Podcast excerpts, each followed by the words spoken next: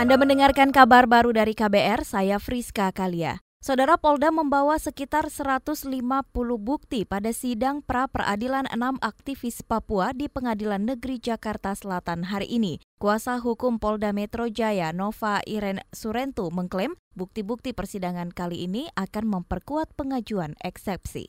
Bukti, Oke. mulai dari penangkapan, penahanan, penyitaan, penggeledahan, semuanya kami lengkap dengan administrasi penyelidikan dan penyidikan.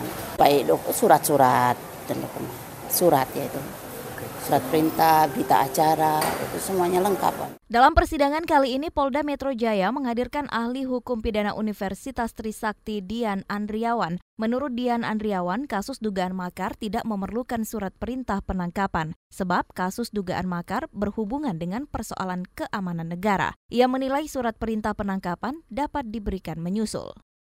Beralih ke informasi lain, Menteri Badan Usaha Milik Negara Erick Thohir mendatangi kantor Menteri Koordinator Bidang Politik Hukum dan Keamanan Mahfud MD untuk melaporkan dugaan radikalisme di kementeriannya. Ia mendatangi Mahfud untuk meminta masukan bagaimana langkah mengantisipasi penyebaran paham radikal. Ya, kita tunggulah karena yang namanya ideologi kan sudah putus. Ya, Pancasila, NKRI, Bhinneka Tunggal Ika, ya tidak ada ideologi lain yang ada di Indonesia dan itu sendiri kan sudah uh, diputuskan ya bukan saat ini loh the founding father zaman dulu. Erik mengatakan saat pertemuan siang hari ini ia hanya memberi informasi data yang ia dapatkan terkait kondisi yang terlihat serta meminta saran dan langkah-langkah yang harus dilakukan ke depan.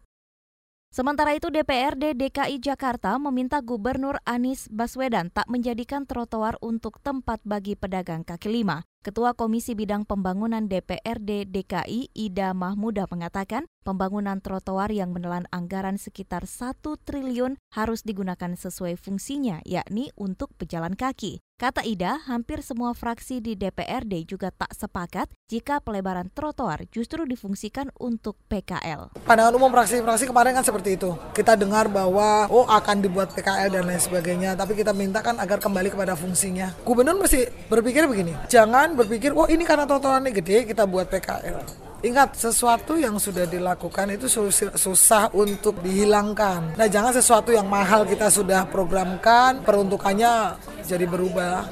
Ketua Komisi Bidang Pembangunan DPRD DKI Ida Mahmuda juga mengkritik konsep PKL yang di trotoar serta diwacanakan Anies. Ia menyebut konsep itu belum matang untuk ditetapkan. Ida meminta agar Anies mendengarkan pandangan semua fraksi di DPRD sebelum memutuskan sebuah kebijakan.